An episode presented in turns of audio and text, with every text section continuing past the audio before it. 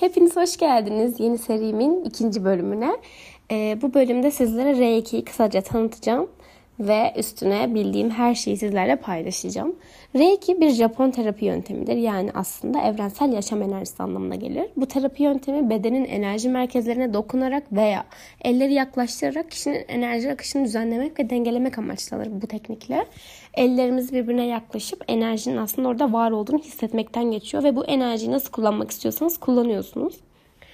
Yani iyiye de kötüye de kullanılabileceği için aslında sıkıntılı ve dikkatlice kullanılması gereken bir yöntem ve şu an piyasada bir sürü insan Reiki Master olduğunu, Reiki uzmanı olduğunu iddia ediyor. Bu kadar basit de bir şey değil. Çünkü öncelikle tüm çakralarınızın güzel çalışıyor olması gerekiyor ve çakralarınızın gerçekten buna uyumlanması ve uzun süre bunu deneyimlemeniz gerekiyor. Aslında kısaca şifacı olabilmek gibi bir şey ve herkesin de buna yeteneğinin olmadığını da bilmeniz gerekiyor. Şu an e, piyasada Reiki Master olarak kendini tanıtıp sana işte bu kursu aldığında Reiki Master olacağını vaat eden insanlar var ya o kadar kolay değil. Çünkü buna yeteneğin gerçekten yoksa çünkü bu spiritüel de bir yol. Senin buna ilgin de yoksa sen o kursu alsan da e, sana sonucunda sen işte Reiki Master oldun deseler de buna inanmaman gerekir. Çünkü o kadar basit değildir dediğim gibi. Neyse bunu daha uzun bir podcast'te sonra konuşuruz. Geçtim.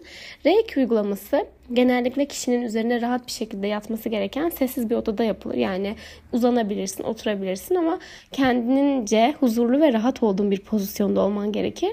Ee, yani uzman bir reiki uygulayıcısı ellerini kişinin üzerine enerji merkezlerini veya ağrılı, problemli bölgelere yerleştirerek e, ellerini de hafifçe tutarak veya enerji akışını hareket ettirerek sana vücudunda enerjiyle alakalı sorun yaşadığın yerleri tespit ederek o bölgeler üstünde şifa çalışması yapar ya da kendine bunu uygulayacaksan da yine ellerinle ağrıyan bölgelerine ya da genel bir meditasyon yapacaksan bütün vücudun üstünde ellerini gezdirerek bu meditasyon çalışmasını yapabilirsin. Yani reikini yapabilirsin.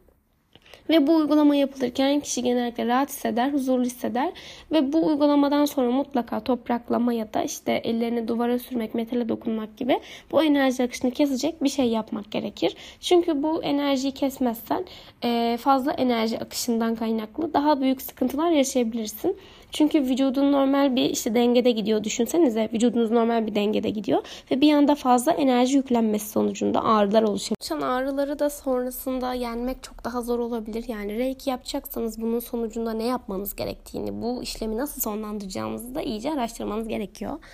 Neyse şimdi bununla geçelim. Reiki'nin çeşitli teknikleri vardır ve bunların bazıları oldukça popüler. Belki duymuşsunuzdur. Mesela Kundalini Reiki ya da Kristal Diamond Reiki, Shamanik Reiki ve Geleneksel Reiki. Şu an benim ele alacağım 4 tane Reiki çeşidi var. Bunları size kısaca tanıtayım. Geleneksel Reiki Japon geleneklerine dayanan orijinal Reiki tekniğidir. Bu teknik bedenin enerji merkezlerine dokunarak veya ellerini yaklaştırarak enerji akışını dengelemeyi amaçlar.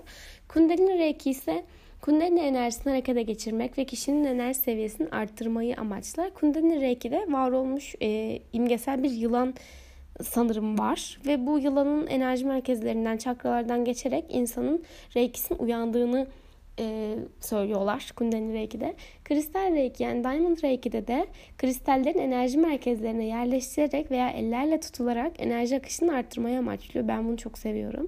Şamanik Reiki'de geleneksel şaman uygulamalarıyla yapılan değişik bir teknikmiş.